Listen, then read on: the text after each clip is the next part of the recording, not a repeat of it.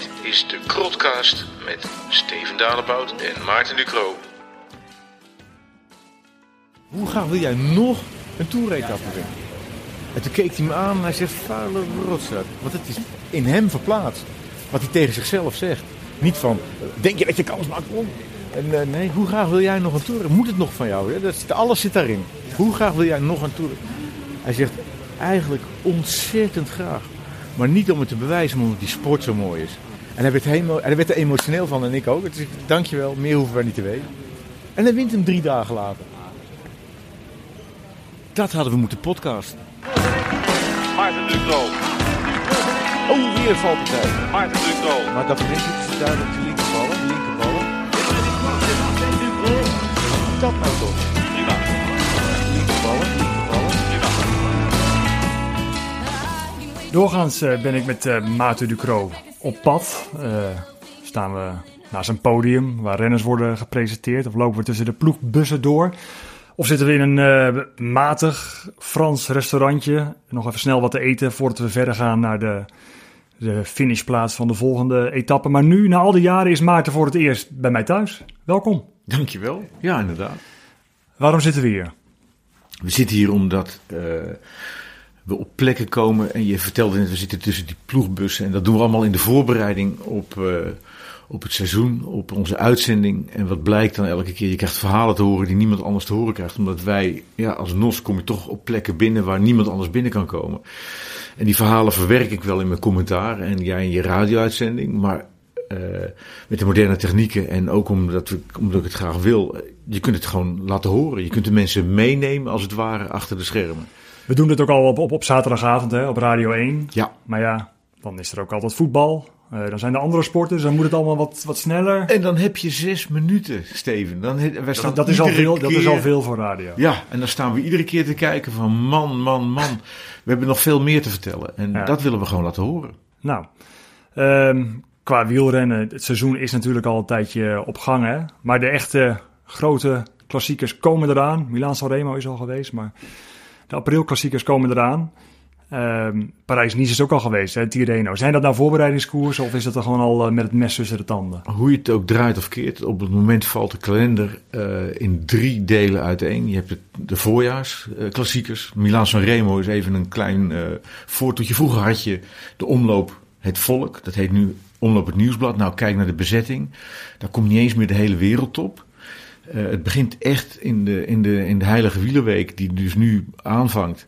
Gent-Wevelgem en dan Ronde van Vlaanderen, het voorjaar.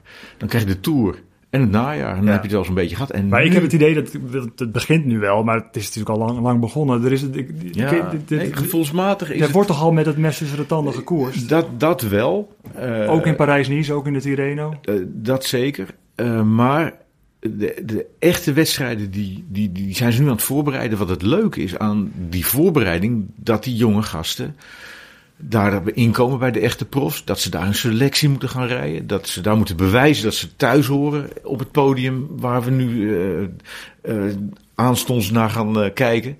Dus ja, dat, dat zijn echt heel belangrijke momenten. En dat is ook een leuk moment om eens even mensen aan de tand te gaan voelen. Hoe staan Ja. ze erbij? Je was in Parijs-Nice. Je kwam een van de jonge gasten daar Ja, tegen. dat, hè, dat was. eh, ik- Bram wij, eh, ja, we lopen daar tussen die bussen door. We zien Bram Welten. Maar wist jij wie Bram Welten was?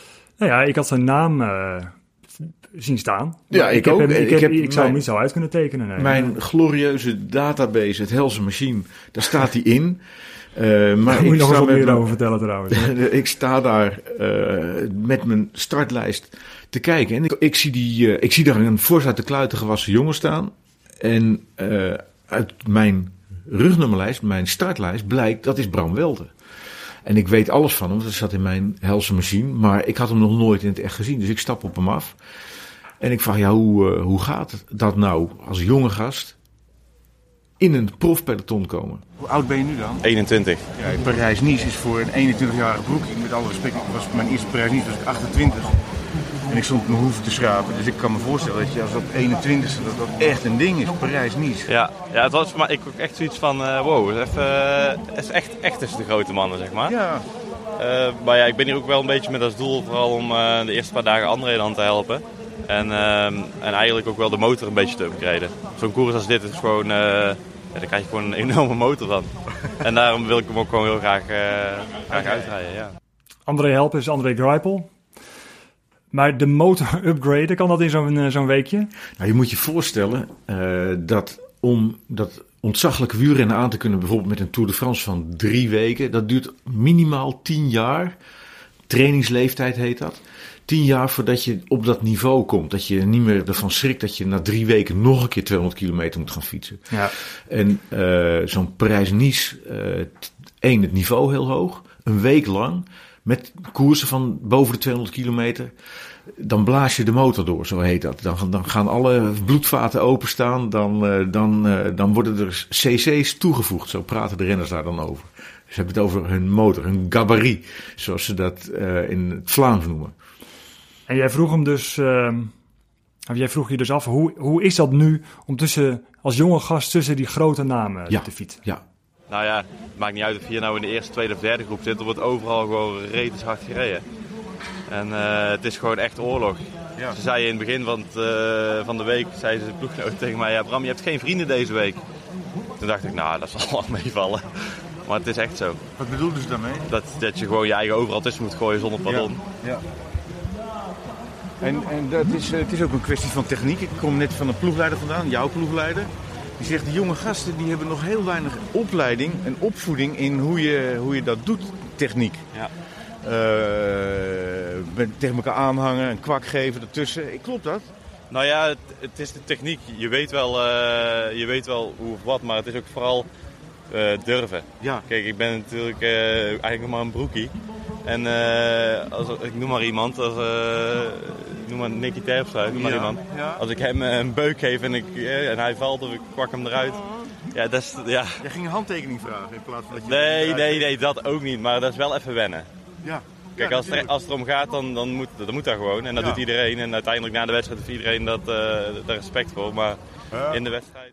Wel een leuke jongen, hè? Leuke prater. Eh, nou, hij zegt een paar dingen zo in, in bedekte termen. Dat is inderdaad een leuke praten. Maar als je even doorkijkt, hij durft Terpstra geen kwak te geven. Eh, maar ik weet niet of jij Parijs-Nice hebt gezien. Daar werd gevallen, daar werd gegooid, gesmeten. Laurens ten Dam had het erover. eh, dat hij in de loopgraven zat en dat het... ja, maar dat, precies. Het, we noemen het een voorbereidingskoers, maar Ja. het is gewoon volle bak Ja, nee, oorlog. het- het- het is een wedstrijd. Eh, game noemen de Engelsen dat, maar hier is het geen wedstrijd. Het is een strijd. Dat wedden gaat eraf. Het is Ja. oorlog. En, eh en, zonder zo- aanzien des persoons. Dus ik kan me niet voorstellen dat als je daar rijdt, dat je dan nog naar Terpstra zit te kijken. Maar goed, eh, laat- misschien moeten we het hem zelf maar eens even vragen. Eh, vrij normaal, want waaierij is alleen maar kwakken. Ja, en zelfs als de winnaar van, van de Ronde van Vlaanderen in prijs als die een kwak krijgt van een jochie als wel. Zelf dacht hij er namelijk anders over. Die ga je niet kwakken. Oh, het zou fijn zijn als iedereen zo zou denken. Dat doen ze dus niet. Ja, Hij kan er nu om lachen, maar het was echt, eh, echt niet leuk. En eh ehm, eh, Welte die zegt het heel goed, het is een kwestie van durven. En je kijkt toch een beetje om je heen. Ik, eh, daar gaan we het straks nog wel even over hebben. Maar het is, het is echt een drempel die je over moet. Dus het is niet alleen je motor doorblazen. Het is ook mentaal een stap maken dat je gewoon echt voor je plek op durft te komen. ja want hij rijdt daar... Maar hoe, hoe oud is Welt? Ik bedoel, hij rijdt daar als jong jochie tussen, eh, tussen de grote namen, de grootste renners die er op dit moment zijn. En dan zou je ook nog even eh, met een vaartje van eh 40, 50 per uur nog even een kwak moeten uitdelen. Ja. Of in de finale nog sneller. Nou, je moet je voorstellen toen... Ik zou meteen in de remmen knijpen. Afstappen. Nou, misschien is het daarom dat jij geen wielrenner bent geworden. Eh, maar ik moet eerlijk zeggen dat mijn, eh, in mijn opleiding, toen ik overkwam, ik had boven mijn werkbankje, had ik foto's van Francesco Moser en Jan Raas hangen. En ik kom dus in mijn eerste profpeloton in Parijs-Nice, eh, of de Italiaanse koersen ervoor, maar ook ergens in Parijs-Nice, kom ik in dat peloton en daar zit Moser en daar zit Raas. Raas was mijn ploegmaat ineens. En de eerste twee uur was helemaal geen oorlog. Dat was gewoon op audiëntie. We gingen bij Moser langs, dus die zat achter in het peloton aan het laatste wiel. En om zijn beurt ging er een plukje renners bij hem in de buurt rijden. Echt waar? En dan zeiden we, hey Francesco, of Checo heette die, zijn bijnaam was Checo. En dan ging je dan, dan, dan praatte die wat met je, dan babbelde die wat. En dan keek hij eens, wat is dat voor vent? Oh, die rijdt bij Raas. En dan zei Raas ook iets goedkeurends over je. En na een uur... Hij, was, hij, hij, hij gedroeg zich als, echt als de koning van het peloton, De, zeg maar. de patroon. De- dat was patroon. echt de patroon. Raas was daarbij. De, uh, Saroni reed er ook. Een race daar achterin. En iedereen ging er echt om zijn beurt langs. Dus het duurde een hele tijd voordat het hele peloton op audiëntie was geweest. Ik kan het niet anders omschrijven. Ik was bloedzenuwachtig. Ik dacht, nou, ga toch wel een keer koersen. Nul per uur. We reden 25 gemiddeld op de 42-17. ja. Ja, je zit me aan te kijken alsof ik een grap maak. Maar dat was gewoon... Het is totaal anders dan, dan nu dus. Totaal niet te vergelijken. En na een tijdje, dus na een uur of twee, anderhalf. De koersen waren toen ook gewoon zes uur, allemaal 240 kilometer. Ging je eens gewoon, eh, werd Raas in één keer wakker. Die zegt: Nou jongens, het is nou al genoeg geweest. Ducro, of eh, de neoprofs werden toen neonazis genoemd. Wie zullen we eens aanwijzen? Jij bent aan de beurt, open jij maar eens. En dan mocht je beginnen. Ja, maar dat is... Dat is dus even andere koek. Ja, maar is ook al heel lang geleden. hè? Dat, dat, gaat- daar gaat het eh, nu even niet om. Dat is ook een pijnlijke eh, opmerking die je maakt. Maar dat, eh, waar het om gaat is dat je, wat je terecht zegt, je moet die drempel over. Mhm. Maar als het dan in één keer echt oorlog is, dus geen wedstrijd meer, maar oorlog, dan ga je zonder aanzien des persoons, kwak je ze gewoon aan de kant. Ja. En daar vertelt hij ook mooie dingen over zometeen. Maar jij, maar jij snapt dus wel dat, dat Bram wel te zegt... ja, als Nicky Terpstra daar rijdt, dan, dan, wacht, dan, dan denk ik wel even twee keer na... voordat ik die een kwak geef. Maar hij liegt. Oh, hoe weet je dat? Omdat het, wat wij gezien hebben in die koers, het is gewoon. eh, eh, er zijn valpartijen, daar zit hij vlakbij. Hij gaat, laat hem daar maar eens even over vertellen. Welke groep zat je in de eerste dag? Tweede groep. Nou, dan kan je, dan heb jij een aardig woordje meegeblazen. Ja, ik heb heb je ook zien vallen, die, eh, eh, die eh, jongen van eh Tussveld. Ja, ja, daar zat ik eigenlijk recht achter. God, zakken, dat is met Ja. 300 per uur. Hoe kwam was dat, echt- joh? Ja, ik heb het niet helemaal gezien, maar we zaten een beetje... Hij zat denk ik vier, vijf plekken voor mij. En eh, we zaten op de kant te rijden en ik krijg natuurlijk wel eens wind, windvlagen. En hij raakt van de weg af. En hij komt in een, in een plas of in een modder of iets terecht Mijn en dan valt hij. vraag. Wat vind je, ik heb met het, materiaal opgegroeid. Eh, Matthews die waait van zijn fiets af en dan zeggen ze, oh de wind. Maar die had zulke velgen. Tussveld die waait van de weg af. Die breekt heel zijn bakkes open. Ja. Die had zulke velgen. Eh Groenevel, Groenewegen wint de koers, doet zijn hand omhoog. Die doet als zijn sodemiet zijn handen weer naar beneden om zijn fiets vast te pakken die wegwaait. Jij zie, wat voor had jij in die waaier-etappes? Eh, ik had een hoog achterwiel en een laag voorwiel. Wel een laag voorwiel. Ja. En merkte je dat het beter ging dan bij andere jongens? Eh, nou ja, dat is eigenlijk... eh, op, op het oog kun je dat niet echt zien. Maar ik weet wel van mezelf, als ik een hoog voorwiel heb in deze wind... dan is het nog drie keer zo erg. Ja, precies. Achterwiel maakt op zich niet zoveel uit, want daar zit natuurlijk al je gewicht op. Maar stel, jij ligt daar erbij, net zoals de buist bij de Ja. Tussveld, omdat hij zo'n voorwiel heeft. Wat zeg je dan tegen zo'n jongen? Ja, daar kun je niks, daar kun je niks aan doen. Ik, ik, eh, zulke dingen gebeuren altijd. Anders, als je toch boos moet worden op iedereen die jou ooit eens een keer heeft laten vallen, of, eh, hè, dan kun je heel veel, heel veel jongens kun je boos worden. Maar hoor je wat hij zegt? Hij, hij durft dus aan de ene kant Terpstra geen kwak te geven. Maar het feit dat daar. We, verwijzen steeds naar oorlog. Dat betekent. Het is niets ontziend en je kijkt naar niemand. En, maar als jij dan een, een kwak krijgt. of omdat iemand valt. Die tussenveld. die dus al zijn tanden uit zijn mond valt. omdat hij in de kant komt. Waarom komt hij in de kant? Omdat hij met 100 per uur. zijn wieldruk te hoog wordt en waait hij weg. Daar ligt hij bijna bij, maar hij kan er niks van zeggen. Het gaat gewoon door. Zoek het maar uit. dat, dat is een beetje, het is echt heel anarchistisch, anarchistisch eigenlijk. Het Ja. is anarchie. Ja. Ja. Dat was trouwens dezelfde etappe als waar eh, Matthews uitviel. Hè? Ja, ook met wind. Die, dat, dat was ook echt ernstig, buiten bewustzijn geweest. Is inmiddels natuurlijk weer gewoon weer terug. Heeft de rit gewonnen, maar ehm, ja, die Tussveld die zit ondertussen nog thuis. Want het gaat, gaat- niet goed met die jongen. Ja, ik, ik, ik heb de laatste berichten nog niet gehoord, maar ik kan me voorstellen dat Alle- het... nou ja, eh, jij zegt het zelf, hè? alle tanden eruit. En, eh, Ja, dat is echt eh, geen. eh, pre- maar eh, zonder dat eh, daar al te zeer op te focussen. De verhaallijn die je hoort is een jonge gast die zegt: Ja, ik heb respect voor Terpstra, ik geef hem geen kwak. Maar je hoort ook tegelijkertijd onder deze omstandigheden gelden geen regels, gelden geen wetten. Eh, ja, de rijder met hoge velgen tussen, ja, moeten zij weten, ze vallen ze. Ja, dan lig ik er ook bij. Ja, hoe- ik kan niet iedereen gaan aanklagen. ja, maar ja, die, die hoge velgen, die, ja, waarom wordt er dan op gereden als, als je er zo eh, makkelijk mee valt? Eh, dat zijn een aantal krachten die daarin werkzaam zijn.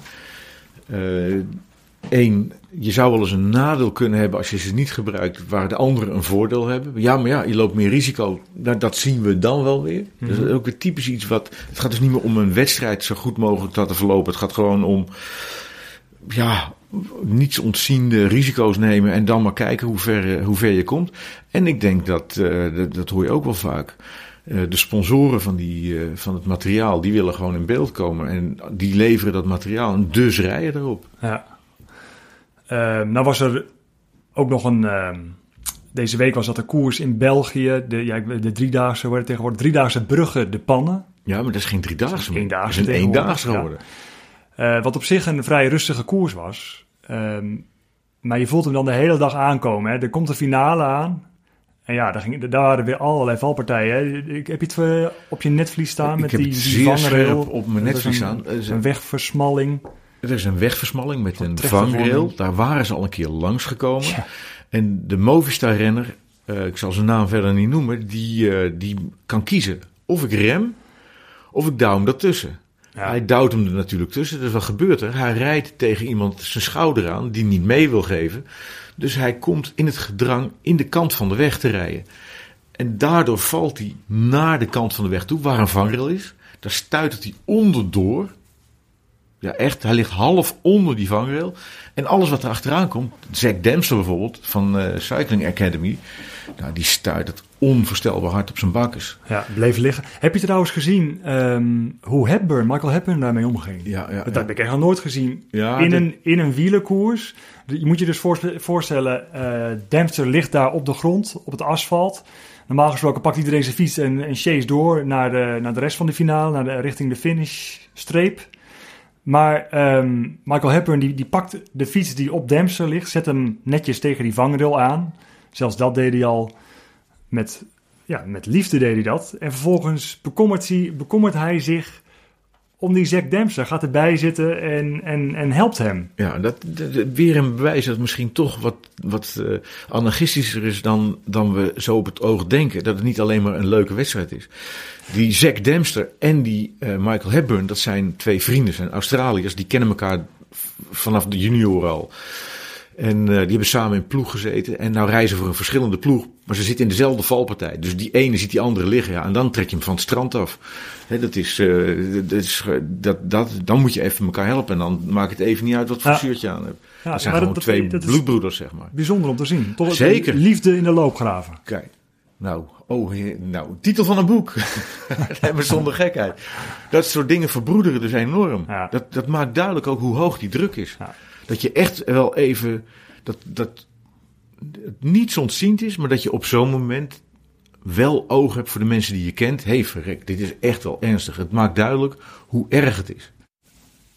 Jij, voor, voor jou is dat een belangrijk thema, hè? Eh, veiligheid in het wielrennen. Jij hamert er ook vaak op dat het zo onveilig is. Maar snap je dat renners zich dat, eh, dat, graag naast zich neerleggen, dat thema, omdat ze er gewoon niet aan willen denken? Ja, nee, dat, is volstrekt duidelijk dat, eh, dat als de druk zo hoog is als we nu eh, merken in die voorbereiding en ook in de andere koersen. Eh, het, afzien en het gevaar. Dat, de, ik heb in een, eh, in, ergens- gelezen. eh, een soldaat in de loopgraven wil niet herinnerd worden aan zijn sterfelijkheid. Dus die wil het zoveel mogelijk negeren. Dus die wil het daar niet over hebben. En ik, ik eigenlijk ook niet, want ja. Dit is de deal. Alleen als ik mensen spreek erover, die beginnen zelf. Hè, dus eh Le Danois, Yvonne Le Danois, ook mijn oude eh, pelotongenoot. Mijn concurrent, maar dat, daar kon ik het goed mee vinden. Zijn zoon rijdt ook bij die ploeg van eh, Bram Welten. En het leuke is, dat is dus de ploegleider ook van Bram Welten. En die begint zelf erover. Hij zegt, ik hou mijn hart vast. Ik zit er in die auto. En dan, ja, ze hebben de techniek niet. Ze hebben het materiaal wat ze niets meer vergeeft. Eh, je kunt geen fout meer veroorloven. En dat gaat maar door. En dan krijg je ook nog dat ze elkaar zo van de weg afrijden. Ik zit met ondersteboven in de auto als er weer een shoot is. Dat wordt geroepen door die koersradio. Dan zit ik hem echt te knijpen. Het is dus niet alleen meneer Ducro die zich daar zorgen over maakt. Absoluut niet. Nee, die renners zijn zelf ook bang. Dat is... eh, Dat is wat jij, wat jij, wat jij proeft. Dat, dat zeggen ze letterlijk. Uh, Laurens ten Dam heeft net een podcast afgerond waarin hij datzelfde verhaal vertelt. Het is geen wedstrijd meer, het is oorlog geworden. Ja, dan zit je me aan te kijken. Dat, dat verzin ik niet. Nee. Nou houden we erover op, want Ja. de wedstrijd zit er natuurlijk wel in. We moeten nog een, eh, een titel hebben voor deze podcast. We moeten een naam hebben, Maarten. We kunnen niet zomaar- Krotcast. Krotcast. Overval je me zo even. Ja. Krotcast, ja? Wat gaan we nou beleven? We kunnen geen prijsvraag uitschrijven. De Ducro bingo. En dan... eh, Ja, de Ducro bingo, dat is nog iets anders. Dat is een, ander eh, idee. We gaan, we gaan een, een, een, Maarten Ducro bingo maken. En dan kunnen mensen, die kunnen eh, in de omschrijving van de podcast kunnen ze zien welke zinsneden ze weg moeten strepen. En als die dan op welk moment dan ook valt in de podcast, in de komende afleveringen, dan, dan, dan kunnen ze de aflevering, het afleveringnummer en de tijdcode, minuut en seconde erbij zetten. nou, volgens En mij, als, je dan de negen uitspraken die op de bingo kaart staan hebt, dan win je eh, een ontbijtje bij, eh, bij jou Nee, thuis. nee, nee. Een dagje mee naar de Bingbank Tour. Kijk. Dat, die bingo kaart ga jij nog even maken. Die gaan we, de, dus die uitspraken, die, eh, die komen. En ik vind ook, daar moeten we een beetje coulant in zijn. Dan mogen ze van mij gewoon zeggen van, ik heb het gehoord in die podcast. Dan weten wij echt wel wat we gezegd hebben. Ja, dan ga jij dat terugzoeken. Ja, Ja, doen we. Eh even kijken. Jij, je bent dus eh, in, eh, in Parijs-Nice geweest. Is dat voor jou eigenlijk een soort feest der herkenning? Je komt natuurlijk allemaal oude mensen tegen die, je- waar je vroeger mee gekoerst hebt en zo. Ja, wat Of, wat het belangrijkste is, is ook de hele aanleiding voor deze podcast, is dat als je Wie belt er? Herbert Dijkstra. Wat een goede foto trouwens als hij belt. Gaat het over de koers? Neem even op, ja. Herbert, jongen, we zitten midden in de opname van een podcast. Ja, ik zet je even op de luidspreker, anders geloven we het niet. Nee, ik geloof je meteen. Alleen, eh We moeten wel ja, even, nou ja, goed. we moeten nog even We moeten praten. wel even bellen. want- De Kroo, Oké, laten we verder gaan. we gaan verder. Hey, ja. Ja, voor veel mensen zijn jullie een getrouwd stel. Herbert Dijkstra en Maat uh, Ducro. Maar dat is dus ook echt zo. Jullie bellen meerdere Nou ja, keren per dag. Eh, Voor ons is natuurlijk, zijn dit ook de momenten voor eh, het voorjaar waarin het er echt om eh, gaat spannen. Nou, En de reden van deze podcast, eh, in die voorbereiding moeten we natuurlijk gewoon eh, wedstrijden zien. Recht van spreken verwerven. Renners eh, bezig zien. Ze, ze, ze niet alleen spreken, maar vooral kijken wat ze doen. En eh, daar het over hebben met elkaar. Dat noemen wij wielullen.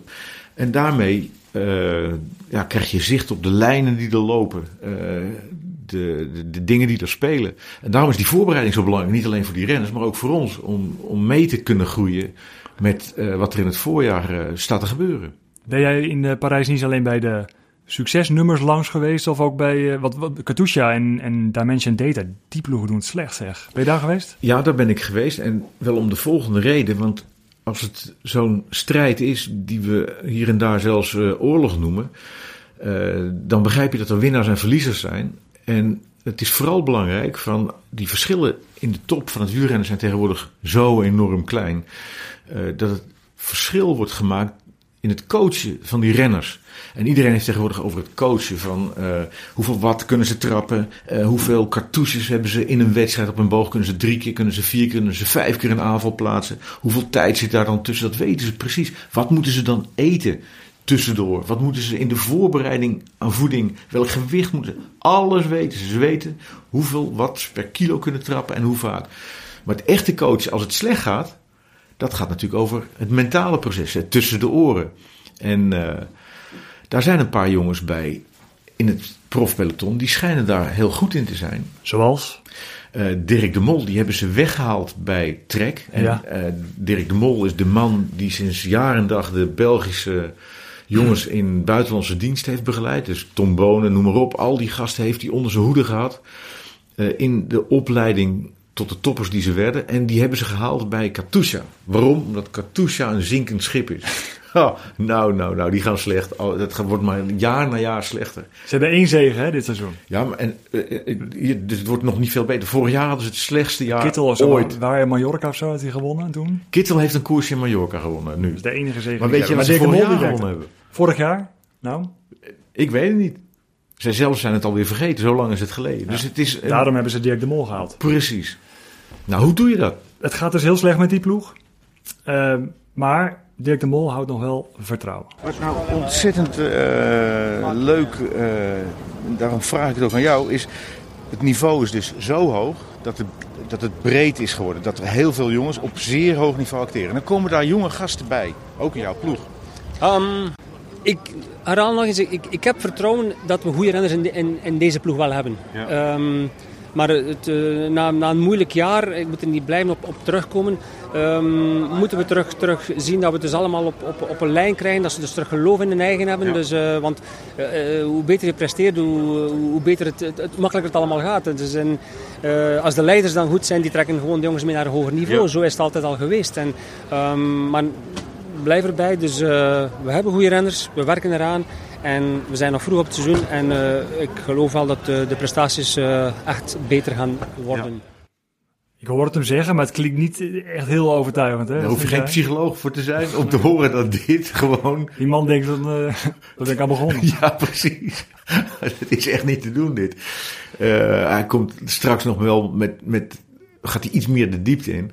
Maar je hoort dat hij het nog helemaal niet vast heeft. Hij heeft er nee. geen enkele grip op. En het is wel mooi om hem te horen vertellen van... oké, okay, op papier zijn dit geweldige renners. Hij heeft bijvoorbeeld Spilak. Een fantastische klasbak heeft hij daar rondrijden. Nou, ik geloof dat hij één keer bij de eerste 100 heeft gereden ja. Parijs-Nice. Maar zo en, goed zijn die renners dan niet die zij hebben. Wat hebben ze? Zakarin hebben ze nog, ja.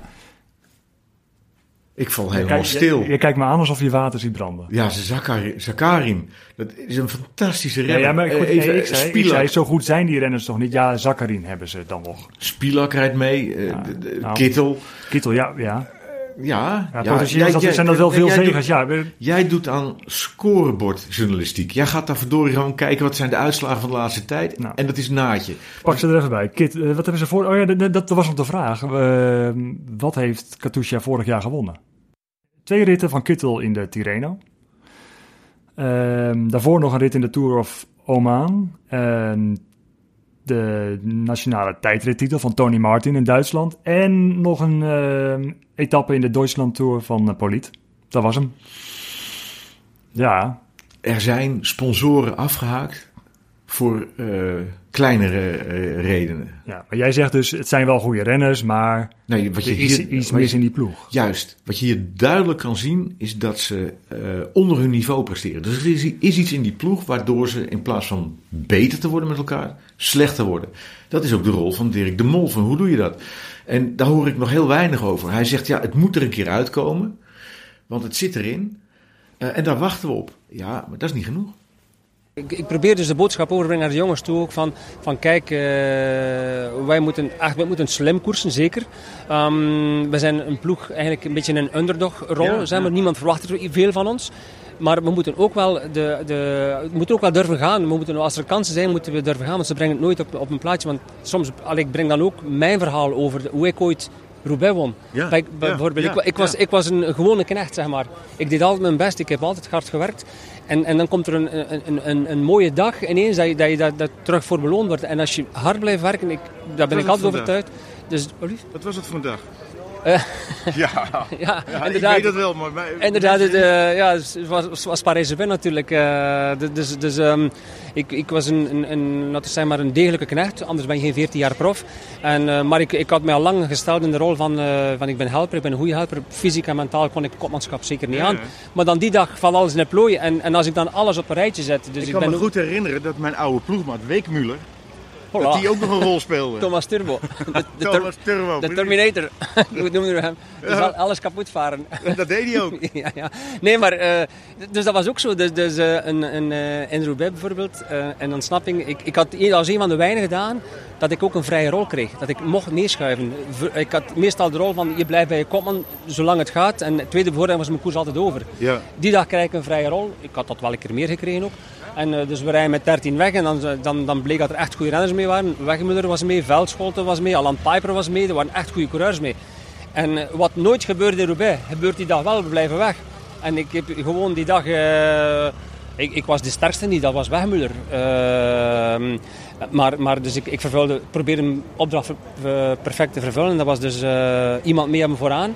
Eh, op, op reserve rijden, want de kopman die komen dan. En dan zo lang mogelijk de kopman bijstaan. Wat Voor in ons, rijden, voor achter niet rijden. ja, wat in ons geval die plankaart was, want die had de week voor die Ronde van Vlaanderen gewonnen. Ja. Dus wij waren mee favoriet.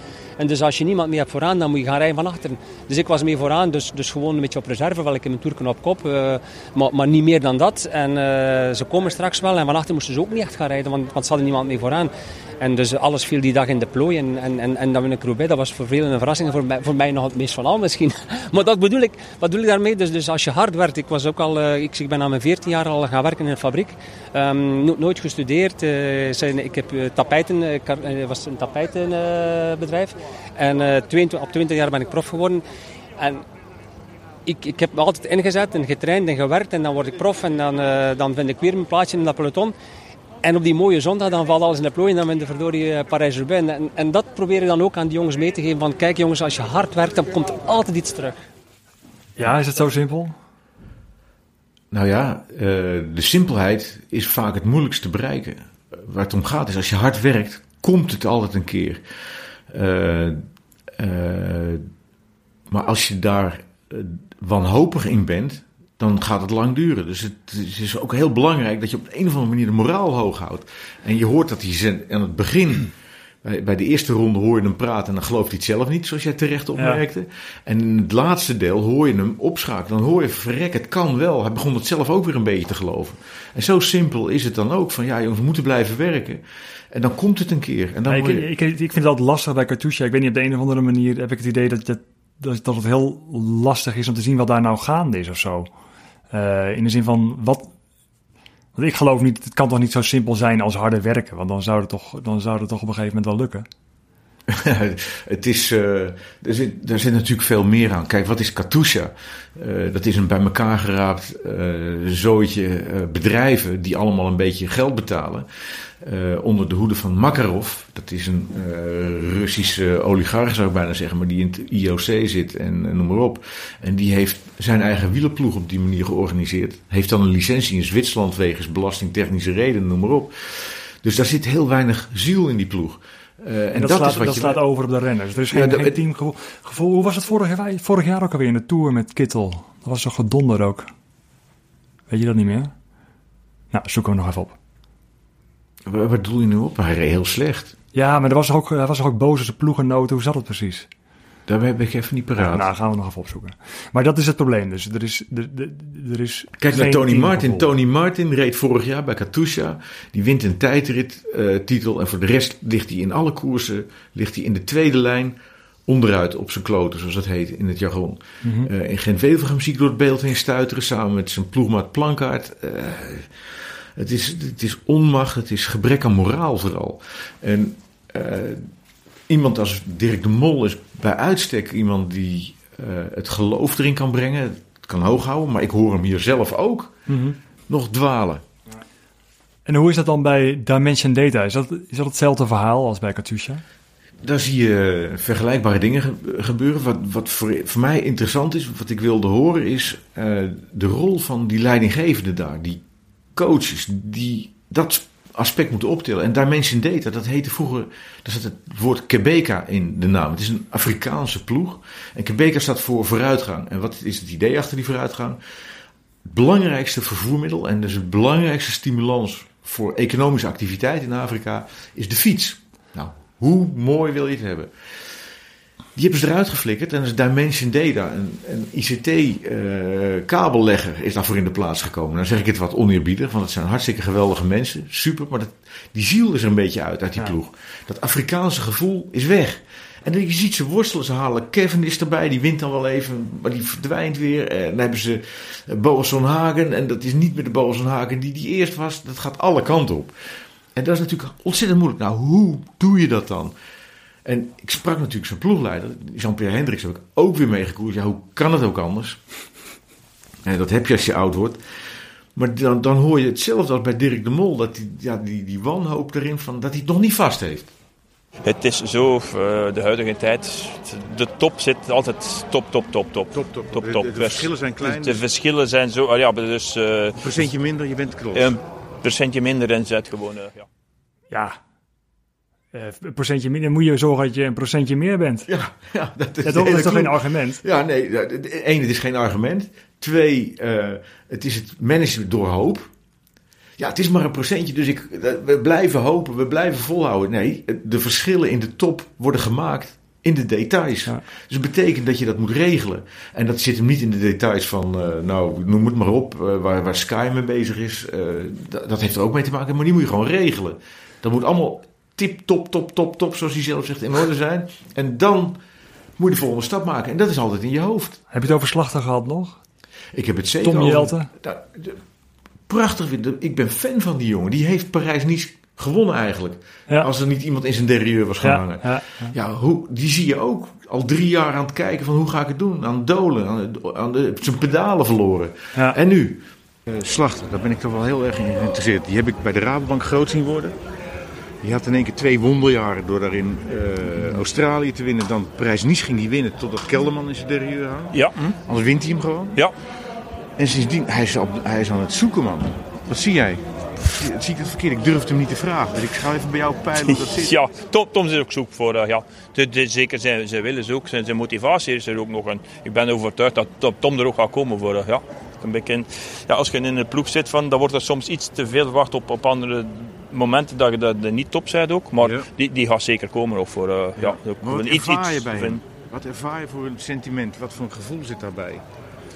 Van, eh, bedoel je van, van motivatie? Of van, van, nee, nee, die is nog altijd de, de winnaar. Nog altijd van, eh, kijk, we gaan, we gaan voor het winnen. Niet van, ja, nee, Tom is nog altijd de man die, die aan de start staat en die wil er vol voor gaan. Nou, dat is goed om te horen. Tom Jelte Slachter moeten we nog in de gaten houden. Ja, het is management van de hoop. Het is coachen Ja. van de hoop. En niet van ik weet wat ik aan het doen ben en ik heb een plan en we hebben een proces in gang gezet waardoor de jongens langzamerhand weer hard worden en beter worden en niks. Dus jij zegt eigenlijk dat, dat, dat wat Jean-Pierre Hendricks doet, dat het niet zo bijzonder is. Eh, wat ik zeg is dat ik niet kan horen aan wat hij mij vertelt over zijn coaching, eh, dat dat invloed heeft op de prestaties van zijn team. Maar wat, wat is jouw invloed in deze ploeg op zo'n jongen om te zorgen dat hij de rust kan bewaren?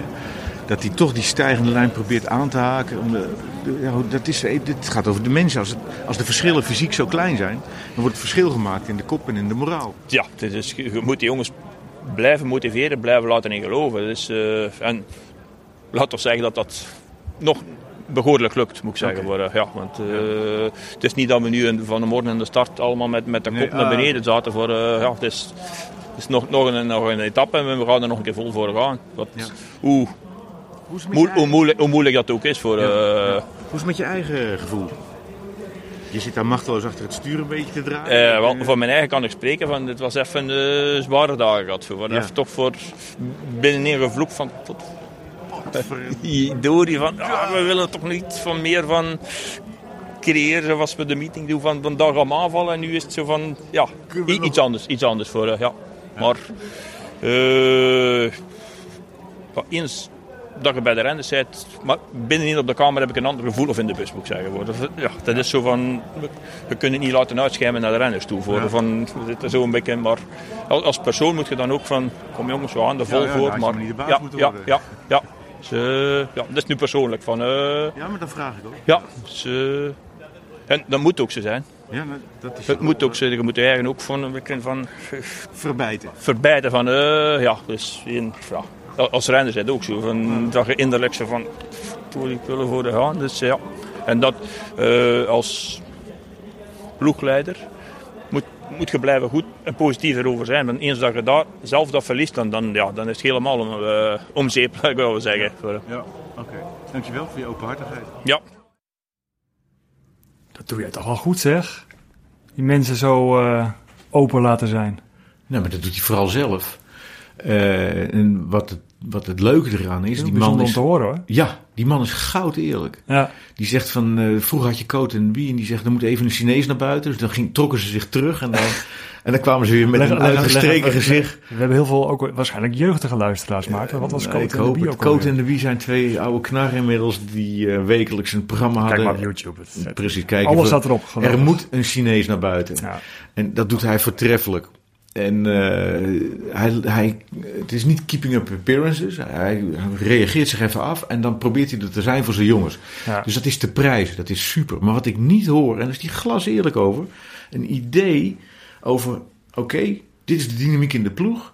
Die anderen gaan harder. Eh, Top, top, top. Daar zitten we net een procentje achter. Wat is het idee hoe we dat gaan opbouwen met elkaar? Ja. Eh, Dan moet je, dan moet je een idee hebben waar dan in de wedstrijd blijk van wordt gegeven dat die jongens daarmee bezig zijn. Dat ze dat aan het uitvoeren zijn. En dat dat hier en daar als voorzichtige voortgang Ja. eh, laat zien. En daar hoor ik hem helemaal niet over. Er zit helemaal geen strategie achter. Nee, maar zij moeten natuurlijk hebben van... bijvoorbeeld iemand als Niet-Solo, dat, die zou nog kunnen gaan scoren. Hè? Dat kan Die heeft gewonnen, hè, trouwens. Ja. Heerlijk, sinds, voor het eerst sinds anderhalf jaar. En die heeft het moeilijk gehad. Eh, welke won die ook alweer? Eh, nou, goede koers. Niet solo won. Oh, in Oman won die? ja, Ja. En Ja. een lekker sprintje van eh Colbrelli en dat soort mannen. Ja, die klopte ja, die toch eventjes. Cavendish, ook bij die ploeg. Ja, is dat, dat, die is al twee jaar ziek eigenlijk. Die heeft, eh, die wordt het nog wat? Ook daar is weer het belangrijkste. De grote Cavendish. Die op twee koersen na de meeste toeretappes gewonnen heeft. Alle tijden, geloof ik. Eh, D- dat is zijn drijfveer, hè? Ja, is dat genoeg drijfveer? De, de, ook daar is het weer de moraal. Ik vind Als het hij nog twee etappes wint, dan is hij wat dat betreft de, de grootste aller tijden. The greatest of all time.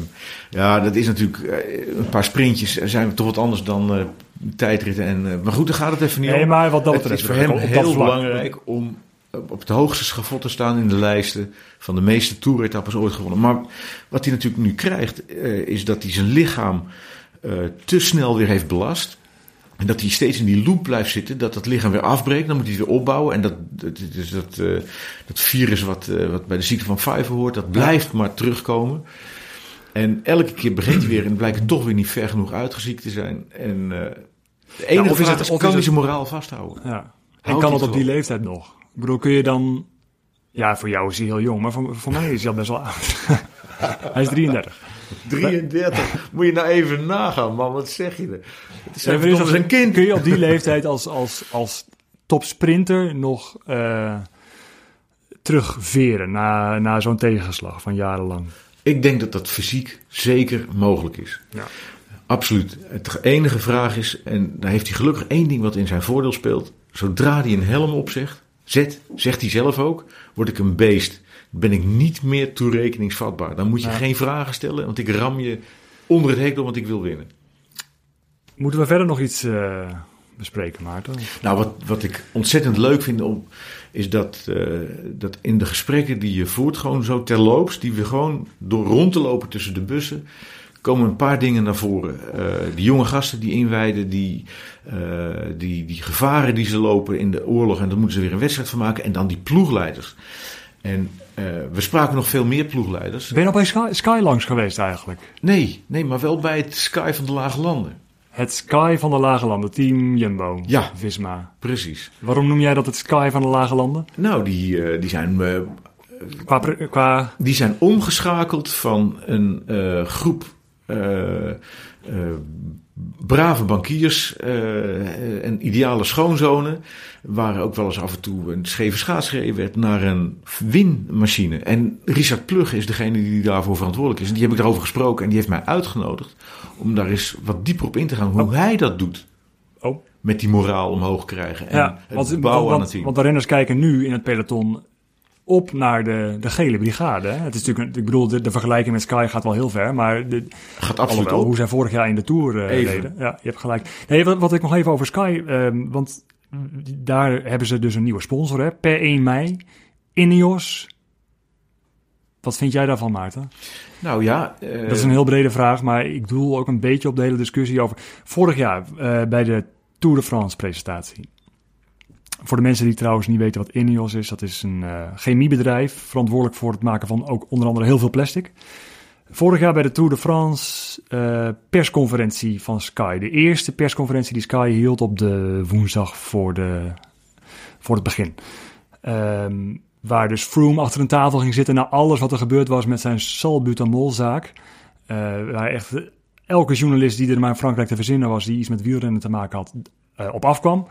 Iedereen dacht van, nou, er gaat nu gepraat worden over Froome. Kwam er eerst een charme-offensief van, van Sky, van Dave, Sir Dave Brailsford, over Save the Ocean. Eh, de plastic soep moest uit, het, eh, uit, het, eh, uit de oceanen gehaald worden. En daardoor gingen, daarvoor gingen zij rondrijden met een een walvis of een dolfijn. Jij noemt het een dolfijn. Een walvis. Oh, was het een walvis, Maar was een walvis, een orka. Ehm, nou, nobel. Hè, je zou zeggen dat dat is een eh, schitterend initiatief. Om dan een jaar later met een plastic producent in zee te gaan. Ja, is dat, is dat schijnheiligheid? Ik denk het wel. Het is opportunisme. Eh, het is de macht het eh, van het geld. Dat is de reden waarom de renners elkaar de gracht in, rijden. En voor de sponsoren op materiaal rijden. Wat eigenlijk niet geschikt is om met windkracht 8 eh, winnend over de streep te gaan. Of in een waaier te rijden. Ja. Dat is wat de wielrenner doet. Dit is mijn manier om te overleven. Eh, dus dan doe ik dat. Dus als ik, Ja, je eh, moet overleven. Dus ze betalen nog een flinke duit meer ook. Hè? ja, maar het is wel overleven geweest. Want hij had die sponsor had hij niet aan het begin van het jaar. Sterker nog, zijn grote sponsor haakte af. En hij moest maar zien hoe hij het ging redden. En ze zijn met de Colombianen in, in de slag geweest. Eh, want dat is een land wat in opkomst is. En dus daar staan geldschieters te springen. Maar Sky eh, heeft, of tenminste, Brailsford heeft eh, gewoon uit opportunistische overweging. Ja, en even moeten wij roomser zijn dan de paus. 47 miljoen, waar ze er nu 30 hebben. eh, of 35. Wie is er dan nog roomser dan de paus? Dan zeg je dan van ja, nee, dat doe ik maar niet, want ik ben voor de. Voor de ja, ik, ik hoop dat er sponsoren en ploegleiders zijn die zeggen: wij moeten onze moraal zuiver houden. Maar in dit geval, zo gaan die dingen. Oh ja. Klop ze maar. Ehm, die Jim Radcliffe, die man achter Ineos, dus die man die, die heeft, ik geloof, 28 miljard pond achter zijn naam staan of zo. Ehm, weet je hoe hij, hoe hij, want hij sponsorde ook Ben Ainsley, de, de zeiler, Olympische zeiler. Weet je hoe dat tot stand, tot stand is gekomen? Schijnbaar, er gaat een verhaal rond dat, dat, eh, dat gewoon een avondje uit was met eh, Ben Ainsley in een bar. eh, glas gin tonic erbij. En eh, na één avondje waren ze er eigenlijk wel uit. Die eh, Ben Ainsley die, eh, werd gesponsord door Jim Radcliffe voor, ik geloof, 130 miljoen of zo. Ja. Dus eh, overigens is het een, Kunnen we niet een keer met die man een podcast maken? Zullen we dat proberen? dat vind ik een goed verhaal. En dan blijft de strekking van hoe zorg je dat de moraal van een ploeg goed blijft. Dat die ziel erin blijft. Zoals wij, waar we het net over hadden bij Quebeca, bij Katusha, dat daar nooit echt een ziel in heeft gezeten. Dat is toch iets wat het verschil maakt. En wat je nu ziet is dat mecenassen gewoon zeggen van... ik koop mij nog een speeltje. Ja. Ik heb toch genoeg geld en ik kan het op de bank laten staan waar ik er geen eh, rente over krijg. Dan kan ik beter iets leuks doen met een wielrenploeg. Nou, hoe ga je als ploegleider, als coach, daarmee om? Hoe zorg je dat er toch ballen in zo'n ploeg blijven? Nou, dat gaan we even uitvogelen. Mathieu van der Poel heeft dat op zijn heel eigen manier gedaan. Daar gaan we ook langs, zijn we ook uitgenodigd. Nou, Gaan we het eens even vergelijken. Dat gaan we doen. Eh, jij gaat eerst eh, Herbert Dijkstra terugbellen, toch? Oh ja, dat moet wel, ja. Dank je, Maarten. Maarten Ducro. Oh, weer valt partij. Maarten Ducro. Maar dat is het duidelijk de linkerballen. De linkerballen. Dat nou toch.